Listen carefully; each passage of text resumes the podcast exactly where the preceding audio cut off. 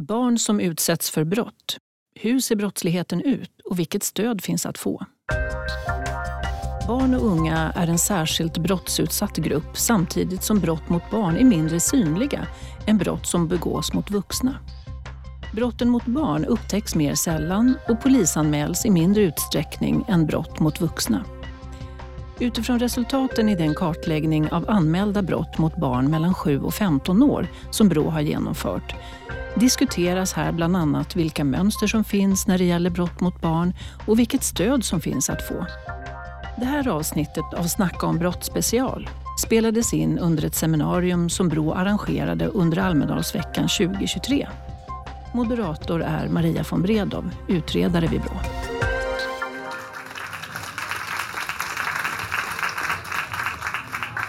Seminarie nummer tre av tre som Brå arrangerar. Och det här handlar om barn som utsätts för brott, hur ser brottsligheten ut och vilket stöd finns att få? Och här så har vi med oss Monica Karlsson som är utredare på Brottsförebyggande rådet. Ingmarie Larsson, socionom och barnrättsombud på Stödcentrum Unga brottsutsatta i Eskilstuna. Och sen har vi eh, Charlotte Kvant som är barnförhörsledare på Barnahus Stockholm. Maria von Bredow heter jag och är utredare på Brottsförebyggande rådet. Och eh, jag ska moderera det här samtalet. Och eh, då är det ju så här att den 20 juni så publicerade Brå den här rapporten. Polisanmälda brott mot barn i åldern 7 till 15 år. Den finns att hitta på brå, eller bra.se helt enkelt. Den kan ni titta efter den. Och den det, ska vi höra lite mer om nu faktiskt. Och då är det Monica som är en av författarna till rapporten. Kan du berätta för oss lite vad det här är för studie? Ja, absolut. Eh, och då är det så att Brå ganska nyligen har utvecklat en ny typ av statistik eh, som kallas statistiken över målsägare vid brottsanmälan. Och då är det så bra med den att då kan man ju för första gången följa brott utifrån olika målsägare. Eh, till exempel åldrar och kön på de målsägarna. Och det gjorde att vi för första gången kunde börja täppa en ganska stor kunskapslucka som har funnits som handlat om att man har inte haft någon samlad bild av den polisanmälda brottsligheten mot barn. Eh, och särskilt stora brister har det varit när det gäller att veta vad eh, Eh, barn mellan 7 och 15 år eh, blir drabbade av och, och vad som polisanmäls. Så vi har kartlagt 120 000 anmälda brott där målsägarna har varit mellan 7 och 15 år. Och det har varit mellan år 2018 och 2020, så tre år. Eh, och det gäller då 74 000 barn.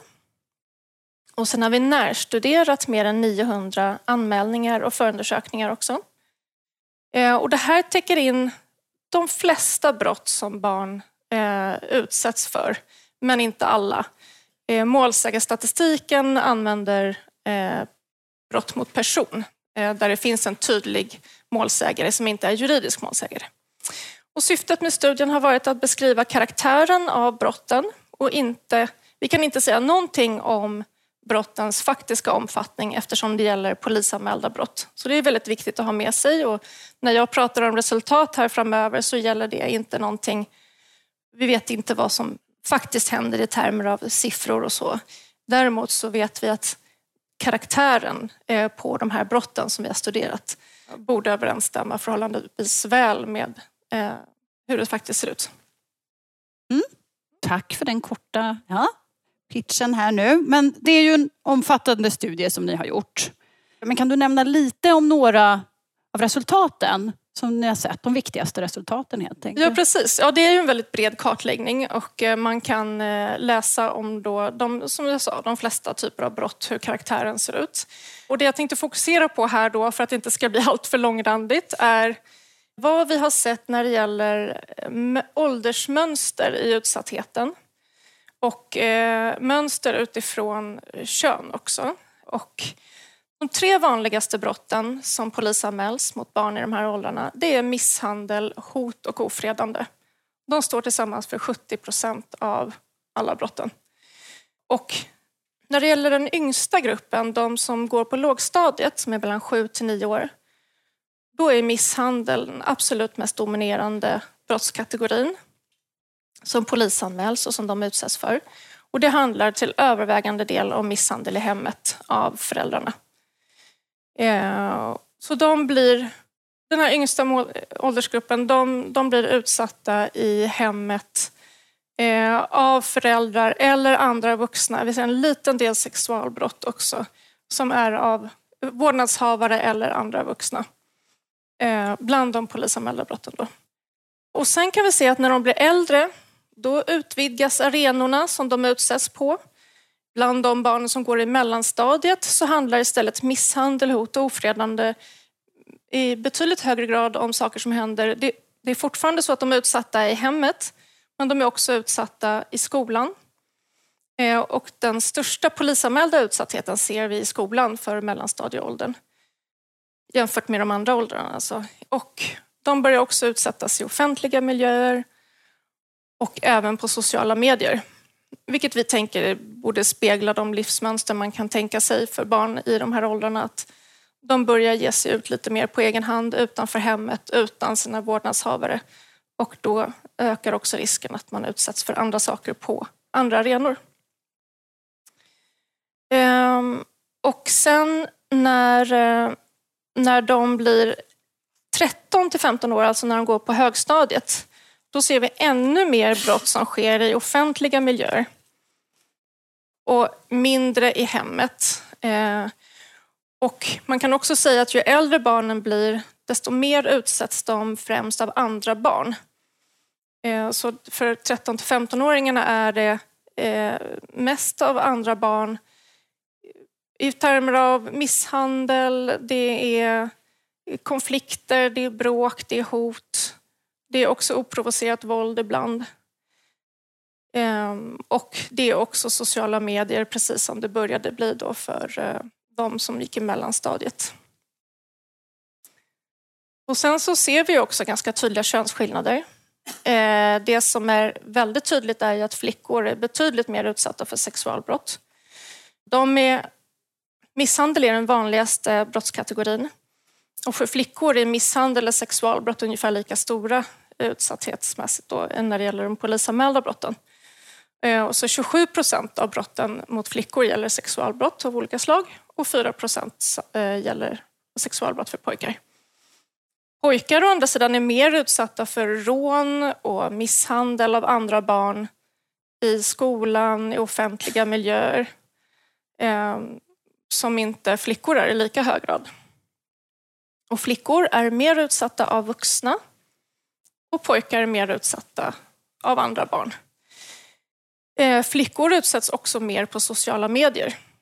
Eh, och när jag pratade om att barn i mellanstadiet var mer utsatta för brott, var som mest utsatta för brott i skolan av alla åldersgrupper så är det ju egentligen nästan bara pojkar eh, som, som det gäller. Utan det är pojkar som utsätts i skolan i hög grad. Eh, och sen så är det ju också så att 75 procent av gärningspersonerna är pojkar eller män. Ett annat mönster som vi såg var eh, när vi kollade på socioekonomiska utsatthet i det boendeområde där målsägarna bodde. Så kan vi se att eh, det är olika mönster beroende på vilka brottstyper man kollar på, brottskategorier. Eh, på hot och våldsbrott till exempel så är det väldigt tydligt ökande eh, andelar ju, ju mer utmaningar ett boendeområde har socioekonomiskt. Så det är som allra flest anmälda brott per tusen barn i de områden som har störst socioekonomiska utmaningar.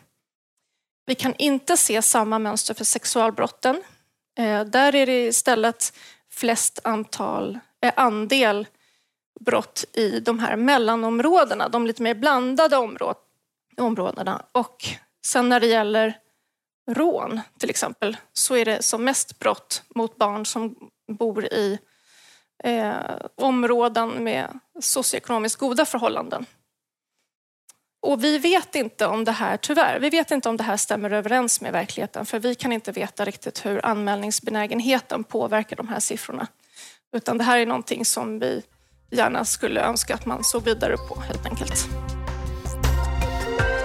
En del av de barn som omnämns här i rapporten, de, de kommer ju till er på barnahus, Charlotte. Jajamän. Ja, De jag kommer tänkte till vi, vi kan ju berätta lite återigen vad barnahus är för någonting och eh, lite vad som händer de barnen som kommer in då.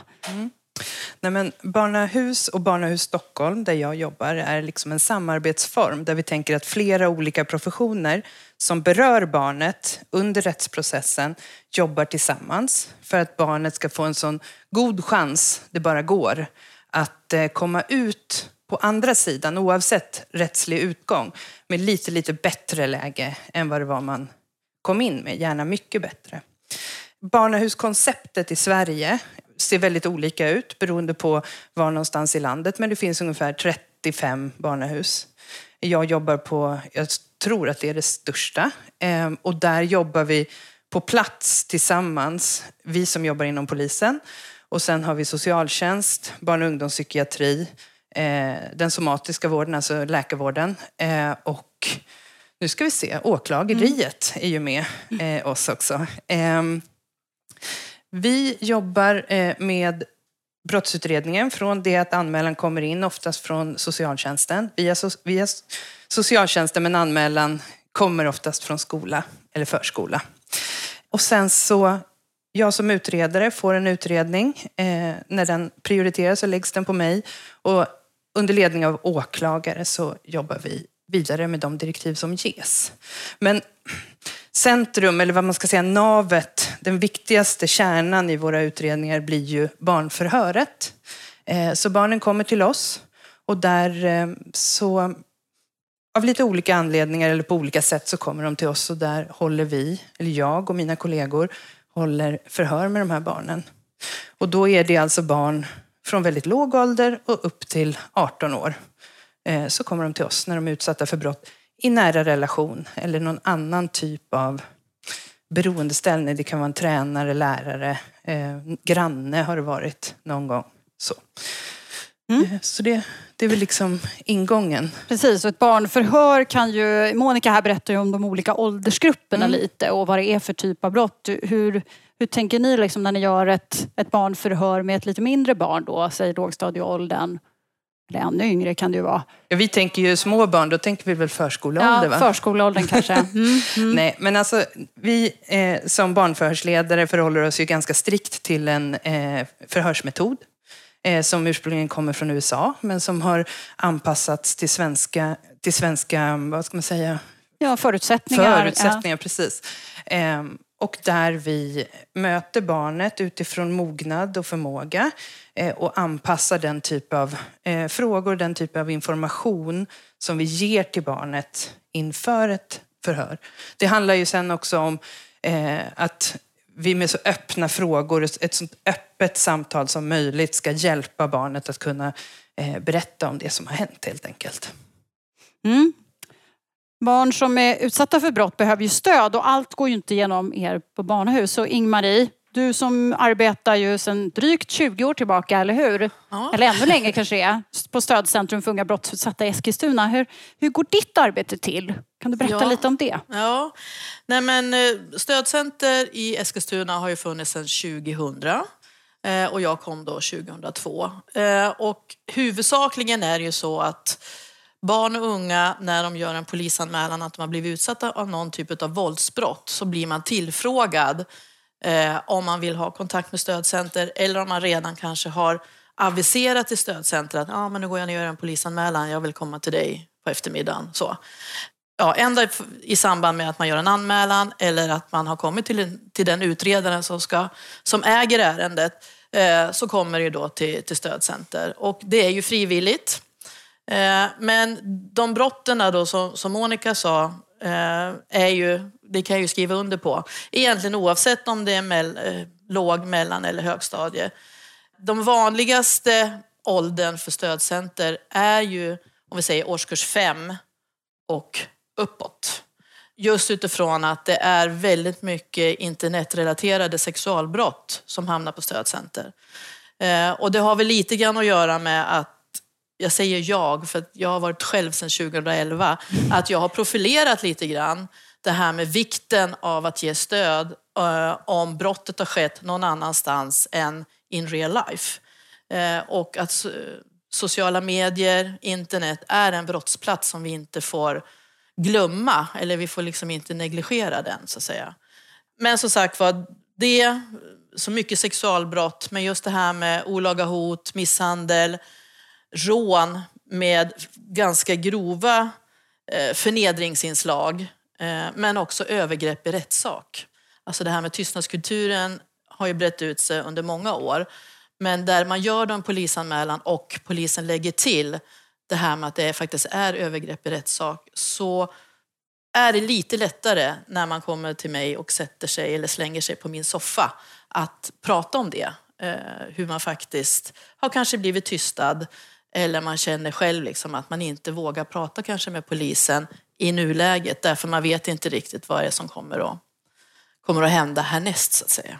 Jag tänker att många gånger så kommer ju, eller för det mesta, så eh, pratar, vill ju barnen kanske prata ensamma med dig. Och jag tänker det gäller väl också för dig Charlotte att i förhör så är ju barnen ensamma, men föräldrarna är inte med. Hur, eh, hur, ja. de, hur är det liksom för barnen när de får komma här och prata med en annan vuxen? Ja, jo men alltså ibland kan det väl också, alltså ju lite äldre de är så kan det också vara att för, den första de berättade för var ju definitivt inte föräldrarna utan det kan ha varit då någon på skolan, någon fritidsledare eller någon liksom annan som har någon typ av relation till. Och i och med det då så får man provprata, som en del barn säger. Det är ganska skönt. Och det får man ju göra hos mig också.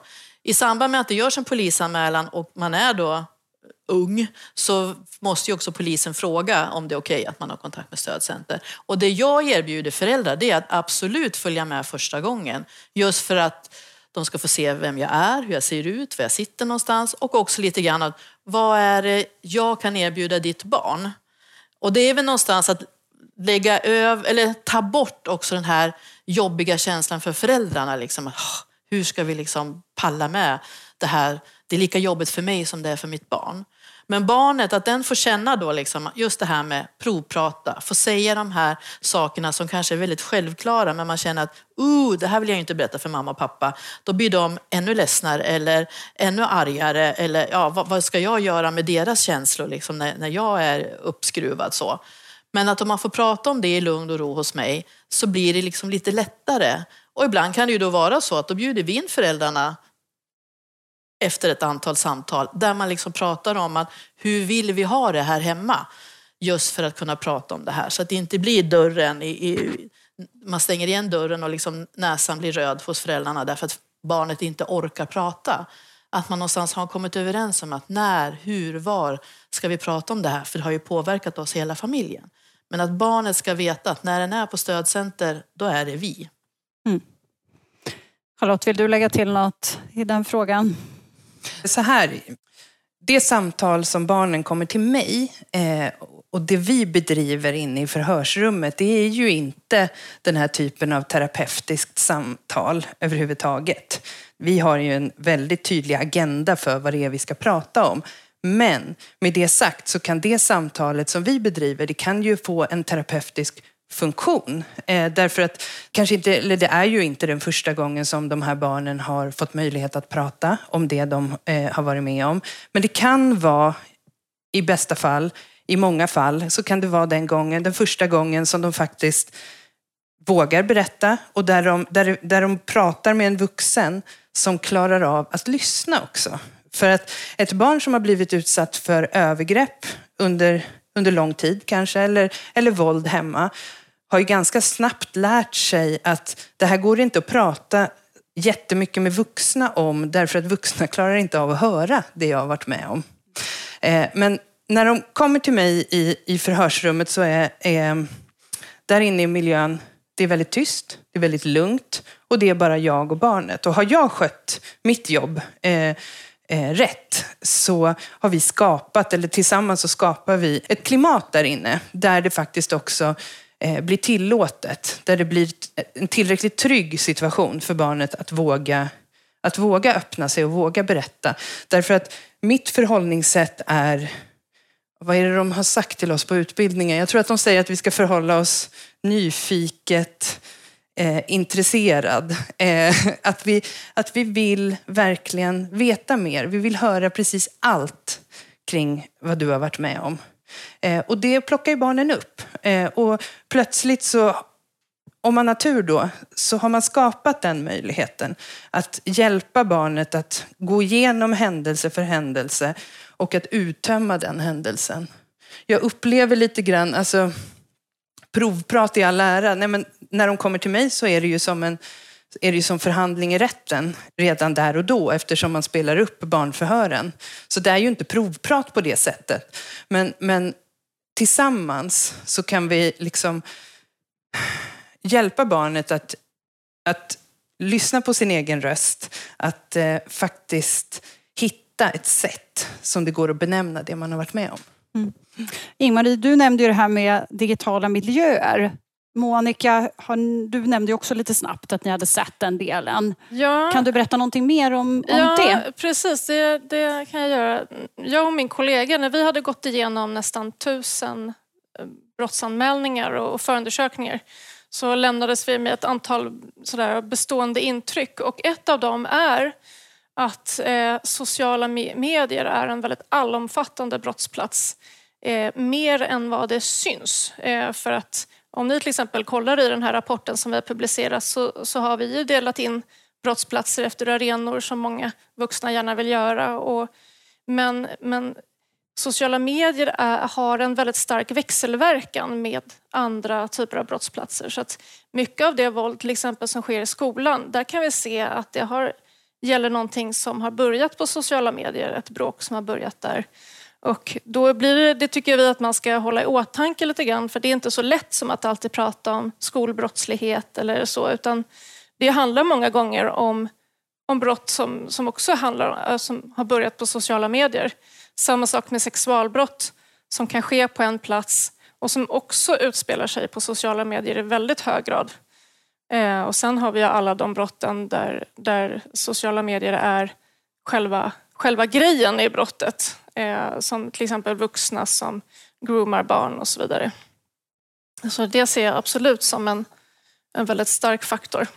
Jag skulle vilja bara fylla på där att det vi ser är ju att eh, våldtäkter och andra typer av sexualbrott till exempel som begås på nätet, det, det är ju inte att man lider ju inte mindre av effekterna av brottet bara för att det inte sker här och nu i rummet. Eh, det lidande som de barnen utsätts för ehm, är ju precis lika stort. Ehm, men sen också det som jag skulle vilja lägga till, som är liksom en springande fråga, tänker jag, i all möjlig sorts brottslighet, men speciellt i de brotten som rör barn, där det initieras eller begås brott på nätet. Det handlar ju om polisens resurs att omhänderta den här eh, den här bevisningen som finns i elektronisk lagringsmedia eller telefoner eller datorer. Och, och där ser vi ju en enorm brist i dagens läge. Jag och mina kollegor kan skämta om att tar vi en telefon i beslag är det som att lägga den i det svarta hålet. Och där behöver vi liksom, för att brotten begås i allt större grad på nätet och då måste vi också kunna hänga med och ta hand om det. Marie? Mm. Och det där håller jag med till hundra.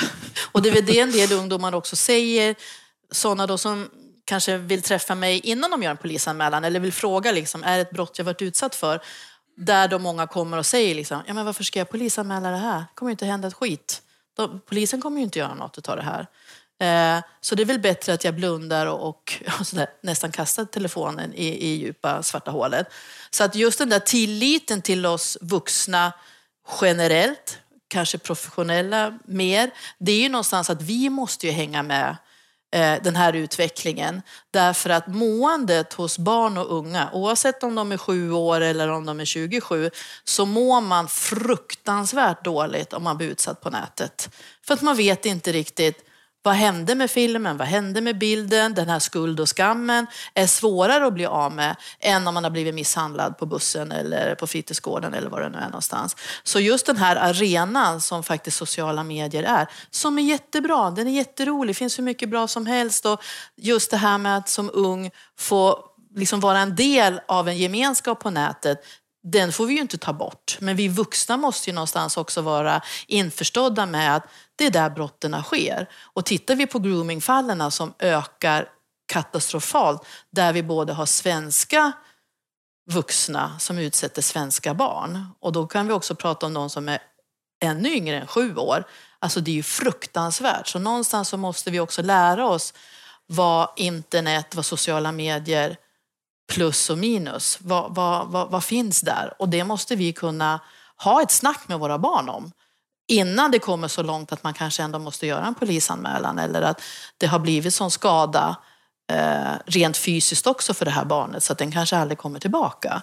Alltså, vi, det, det, är ju liksom den, det är ju det värsta som liksom kan hända. Så just det här som sker på sociala medier, det måste vi vara mycket, mycket mer uppmärksamma på. Och där kan ju inte vi som vuxna heller bara prata om sociala medier. Vi nej, måste ju förstå nej, att det här är ytterligare en gata vi behöver nattvandra ja, ungefär. Ja, vi ja. behöver förstå vilken värld de här barnen befinner sig i för att kunna också, ja men bara begreppet, vad är det att känna någon? Eh, du får inte prata med folk som du inte känner. Ja men tjena. Eh, det är ett helt annat begrepp när man befinner sig online. Mm till exempel. Så, så olika kan ju barnets perspektiv vara från det som vi vuxna ser. Verkligen. Mm. Jag tänker, eh, en annan fråga är ju lite det här, ni pratade lite om multiutsatthet eller just att det kommer in i lite olika delar, eller hur? Kan du beskriva någonting om det? Ja, eh, i den här studien så har vi ju sett på polisanmälda brott och eh, då kan man säga att det är en högre sannolikhet att polisanmälda brott gäller ganska grova och allvarliga brott jämfört med vad som, som finns där ute. Eh, och i och med det så har vi fått syn på en grupp barn som är särskilt utsatta och sårbara på olika sätt. Och många av de barn som vi ser i, den här, i det här materialet är då barn som har blivit utsatta för eh, samma brott många gånger, eh, för flera olika former av brott, eh, för, för brott över lång tid. Vi ser mycket Eh, olika former av neuropsykiatriska diagnoser, eh, psykisk ohälsa hos barnen. Och det här gäller till viss del även eh, när andra barn är gärningspersoner, så ser vi det även där. Det är barn som är omhändertagna på institutioner eller familjehem och som kanske har ett eget missbruk och så vidare. Det är en otroligt stor utsatthet hos många. Och vi ser det framförallt hos olika brottstyper. Det vi ser till exempel mycket av det här när barn har blivit utsatta för långvarigt, väldigt allvarligt våld i familjen. Och eh, när de är utsatta för sexuellt våld som barn av pappor eller andra vuxna. Och utsatta för hedersvåld, där ser vi också en stor del av de här som vi kallar särskilt utsatta. Som, eh, och de flickor som utsätts för våld i, i sina egna parrelationer. Sen ser vi också, apropå det här med socioekonomiska utmaningar, att även här finns det ett mönster att det är fler eh, andel barn eh, av de särskilt utsatta som bor i områden som har socioekonomiska utmaningar. Så det här är en grupp som, som det är, det, vi måste förebygga och, och alla brott mot barn. Men det här, det här är mm. en sån grupp som vi har fått syn på i det här materialet som där vi känner att det är extra viktigt att, att, man, eh, att man hittar den här gruppen, att man stödjer dem och att man kan åtala eh, gärningspersonerna. Mm. Jag, jag tänker det, det är en oerhört intressant också, jag menar, iakttagelse att vi har en sån grupp. Det visste vi till viss del om innan, men den här nya målsägande statistiken och det här kvalitativa arbetet som ni har gjort synliggör ju den här gruppen eh, på ett bra sätt. Charlotte, det här med att intervjua barn som kanske är multiutsatta eller har problematik, neuropsykiatriska funktionsnedsättningar, andra typer av funktionsvariationer. Mm. Mm. Hur jobbar ni då? Ja, det är ju lite av min hjärtefråga. Jag eh, insåg ganska snabbt att för att lyckas i, i barnförhörssituationen så är det bra om barnet förstår vad jag säger. Och det är jättebra om jag förstår vad barnet säger. Har man kognitiva eller kommunikativa funktionsnedsättningar så är det svårt. Vi har en jättebra förhörsmetod, men den är svår om man antingen har en kognitiv utmaning utifrån att man är väldigt liten eller, eller att man har någon form av diagnos eh, eller annan problematik. Där finns det ju, alltså metoden i sig är väldigt den är tydlig, eh, men den är inte tillräckligt tydlig. Så där måste vi ju gå in och tänka väldigt mycket kring det här specifika barnet. Att bara veta vad det finns för diagnoser, vad man har utretts för och vad man checkar i för box, det räcker inte. Utan vi måste liksom, vi måste tänka kring det här specifika barnet. Vi måste fundera på vad behöver vi veta för att överhuvudtaget kunna gå in i rummet och prata med det här barnet. Eh, vi kanske behöver tänka på, är det ens rimligt att vi kan ställa krav på just det här barnet att den, kan, att den ska komma till en helt ny eh, miljö, träffa helt nya personer, prata i ett sammanhang som inte riktigt liknar andra sammanhang. Eh, det ställs väldigt, väldigt höga krav och där menar jag att vi har ganska mycket vi kan jobba med de medel vi har just nu. Vi kan faktiskt ta vår bärbara utrustning och åka dit barnet är. Eh, det finns eh, kommunikativa hjälpmedel som vi faktiskt får använda i förhörsrummet. Eh, många är ju ganska rädda för, vi ska ju inte, vi ska inte använda eh, material som leder barnet att berätta om saker som inte har hänt eller, eller prata om händelser på ett sätt som, som, som, där resultatet blir felaktigt. Men det finns mycket material, alltså bildstödsmaterial och det finns sätt att man kan tänka kring hur man möblerar ett rum eller vad just det här barnet behöver ha med sig in för att bli så trygg som möjligt. Mm. Ingmarie, kan du se att du ser den här gruppen också? Ja. Som kanske återkommer eller är särskilt utsatt? Både om man tänker sig de funktionsnedsättningar men också den här multiutsatta. Absolut, alltså... absolut. Och jag tänker på att ibland så blir ju jag involverad redan i samband med att det ska göras ett, ett förhör på barnahus. Och där då kanske förhörsledaren själv men någon annan också sagt att det kan vara himla bra om Ingmar sitter med på medhörning. För då får hon höra det som sägs för att sen kunna lägga upp så bra stöd eller bjuda in på ett så bra sätt som möjligt så att det här barnet inte behöver dra allt igen. För det är ju det många av de här som kanske har någon typ av diagnos, att de måste rapa upp allting liksom, 70-11 gånger. Liksom. Och det är ju inte det som är syftet med att komma till stödcenter. Utan det är ju mer liksom, ja men vad har det här fått för konsekvenser? Vad behöver du för stöd? Vad har du för strategier för att kunna överleva det du har varit med om eller någonstans liksom, oavsett egentligen var brottet har skett någonstans, men att man ska känna sig trygg när man kommer dit igen. Så tittar man på en del som då går på någon av våra Eh, skolor för de som har någon typ av funktionsnedsättning så brukar det oftast finnas i alla fall en i personalen som är den som följer med på de här olika ställena. De får ju absolut vara med i rummet hos mig också. Och så får man möblera om lite grann och så får man titta lite på ja, men vad är det det här barnet faktiskt behöver prata om idag. Och då kan det ju vara liksom, börja med liksom att ja, men det var lite småjobbigt att komma hit. Liksom. Jaha, hur gjorde ni för att komma hit? Och nu är det här, så här ser det ut i mitt rum. Och då kan det ju finnas, inte för mycket grejer, men lite sådär så att man kan fästa blicken på. Och liksom utifrån det då hjälpa det här barnet att faktiskt liksom fortsätta prata om hur det här faktiskt har påverkat dens vardag. Sen när det gäller mindre barn och den här multiutsattheten Eh, där blir det ju så att jag, får jobba, att jag jobbar tillsammans med socialtjänstens utredare. För ofta så blir, har det ju ändå varit också någon typ av orosanmälan så att det finns en socialsekreterare. Och då brukar man ju också, ja, att vi liksom ändå, barnet ska känna någonstans att ja, men vi, vi vet om varandra men du bestämmer själv vem, vem du vill prata om med just det här. Liksom så. Mm. så att man får, vara lite, får ha lite fingertoppskänsla där. Mm.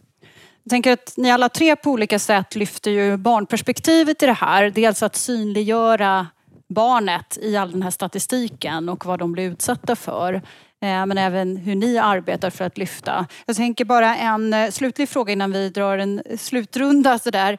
Och den kan vara svår kanske. Jag tänker mer om det här med barnets rätt att komma till tals.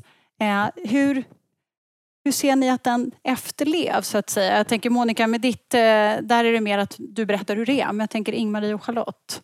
Alltså hur det efterlevs? Ja, jag tänker i din verksamhet, alltså, finns det plats för barnets rätt att komma till tals ändå? Jo, men det skulle jag säga. Mm. Så länge vi inom rättsväsendet eh, och vi som finns runt barnen som är utsatta, så länge vi får veta att de är utsatta, så, så tycker jag att det finns en, en plats för barn att komma till tals. Eh, jag har ju också märkt, det här är ju bara min högst egna empiriska mm. erfarenhet, att ju mer jag har lärt mig kring eh, att möta barn som, inte, som har svårigheter med kommunikation och kognitiva svårigheter, ju mer jag har lärt mig, desto flera barn kan jag säga, nej men vi ger det här barnet en chans. Det värsta som kan hända är ju att vi inte får någonting. Så barn som kanske förut skulle bara säga, nej men det är ingen idé att vi håller förhör med det här barnet. Där kanske man kan då istället vända på det och säga, men vi testar. I värsta fall så funkar det inte. Mm. Mm. Det ger hopp för att fortsätta här lite grann. Ja, men ja. jag har att göra. Ja, absolut, det är bra. Vi får, vi får liksom sluta på dur här. Ja, Ingmarie, är det... ja nej, men jag är ju då också barnrättsombud inom socialförvaltningen i, i Eskilstuna. Och, eh, så det här det ju, ligger mig ju verkligen varmt om hjärtat att ge barn den här möjligheten att faktiskt få vara delaktig i bara det här med ja, men hur, går en rätts, hur går rättsprocessen till? Eh, för det är också någonting som för många föräldrar inte har en aning om. Så bara det här, rent informationsbiten, alltså vad är det, denna, vad det här barnet hamnat i? Jag kallas för målsägare, vad, vad är det för någonting? Jag ska ha ett målsägande beträde, vad är det för någonting? Alltså bara sådana saker är ju jätteviktiga och det kan man absolut prata med en sjuåring om. Mm. Eh, men också just det här, alltså i mitt rum så går det ju inte att eh, missa att jag är ett barnrättsombud, för där finns alla artiklar och det finns allt möjligt. Men att man någonstans så tänker sig, ja men vad är det det här barnet behöver för att den ska förstå vad den har varit med om och att man faktiskt måste lyssna mm. på barnet. Och då kanske man måste lyssna flera gånger på samma historia. Men det, det är ju för det är ett sätt för barnet också att bearbeta den, det den har varit med om. Monica, vill du säga någonting om det här med barnperspektivet och kanske avsluta också? En liten... Det kan jag göra. för um, det Barnrättsperspektivet kan ju också göras på ett annat sätt. Mm. Eh, I forskningen så handlar det till exempel om att synliggöra olika barns eh, livsvillkor och utsatthet. Och det är det vi har försökt att göra här. Vi har inte låtit eh, barn komma till tals på så sätt att vi har intervjuat dem men vi har lyssnat på dem genom förundersökningar och vi har försökt att synliggöra den brottsutsatthet som de berättar om där. Och det tror jag är eh, väldigt viktigt. Mm. Är det något annat du vill avsluta med? Ja, en grej som jag mm. då inte har sagt, det är eh, en, en sista sån här eh, reflektion och slutsats. Jag nämnde förut att vi har ett antal bestående intryck efter att ha läst nästan tusen brottsanmälningar och en eh, annan sak, förutom det här med sociala medier är så otroligt förekommande, det gäller just brotten mot flickor. Hur, eh, det är väldigt vanligt, det är vanligare än vad som syns i brottsrubriceringarna att flickor utsätts för eh, brott som har med sexualbrott eller annat våld att göra som syftar till att kränka deras kroppsliga integritet, deras sexuella integritet eller deras frihet. Eh, för de här brotten döljs bakom andra rubriceringar som eh, olaga integritetsintrång, till exempel kränkande fotografering.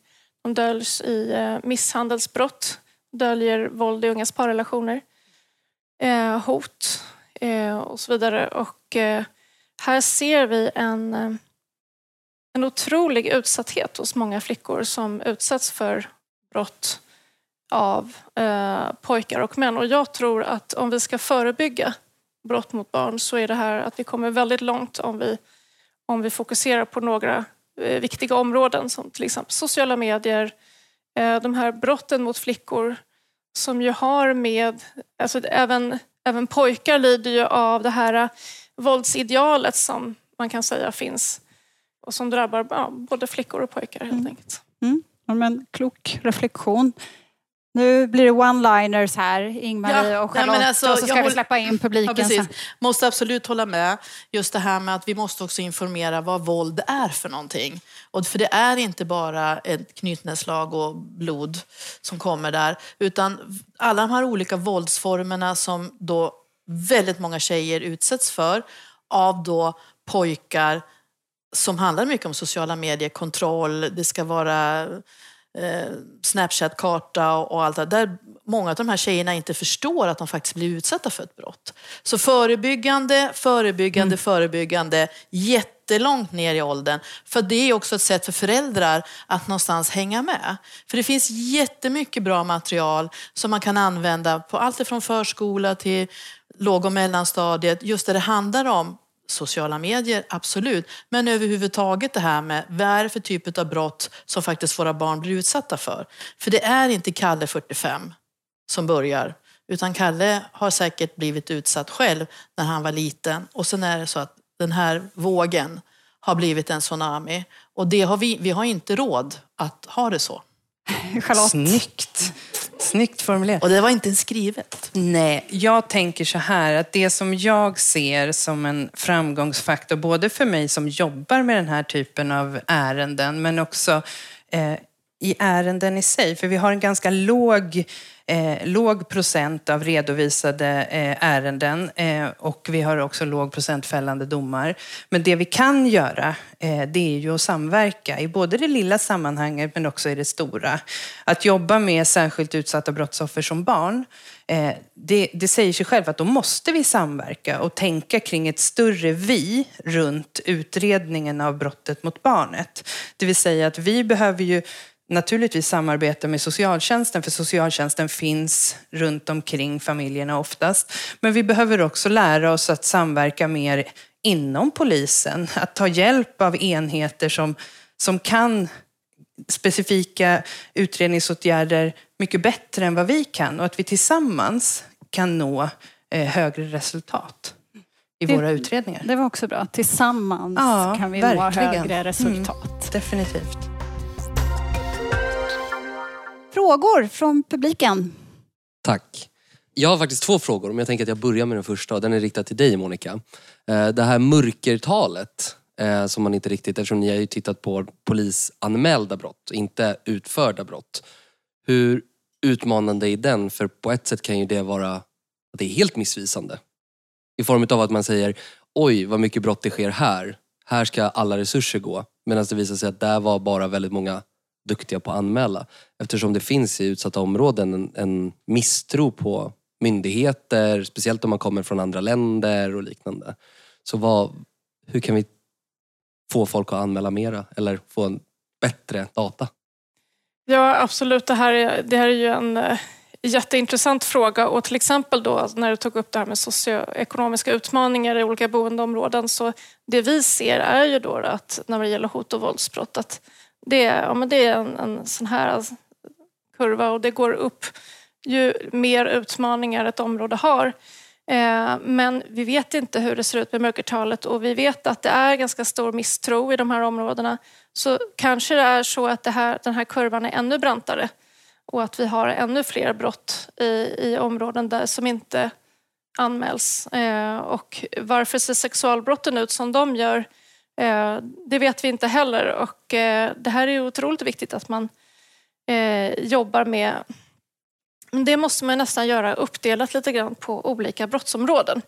Nackdelen med den här rapporten, eller det är ju fördelen också, det är att den är väldigt bred kartläggning, innehåller otroligt många brottstyper. Vissa av dem kan man tänka sig har inte så väldigt stort mörkertal.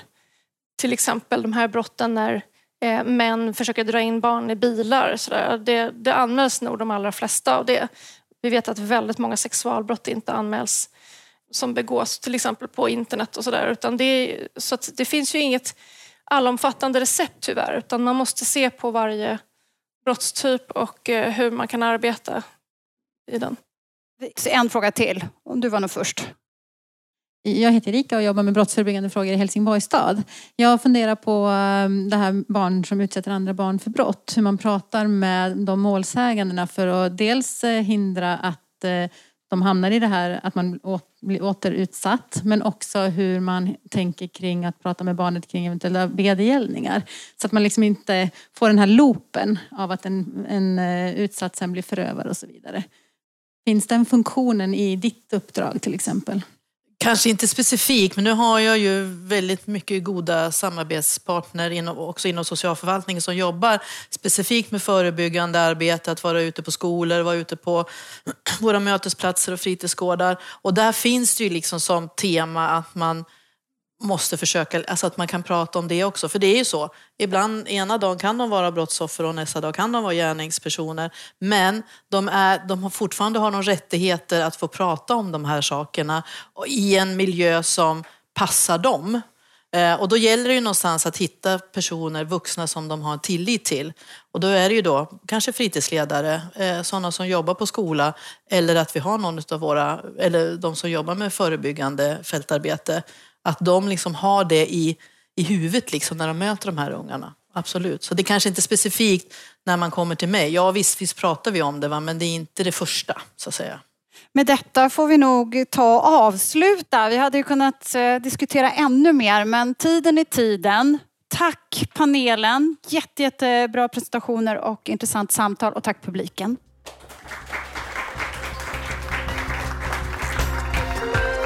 Du har lyssnat på ett avsnitt av Snacka om brott, en podd från Brottsförebyggande rådet. Det här avsnittet spelades in under ett seminarium i Almedalen 2023. I panelen medverkade Monica Sellgren Karlsson, utredare vid Brå, Ingmarie Larsson, socionom, barnrättsombud vid Stödcentrum för unga brottsoffer samt Charlotte Kvant, Barnahus, Polismyndigheten. Moderator var Maria von Bredow, utredare vid Brå.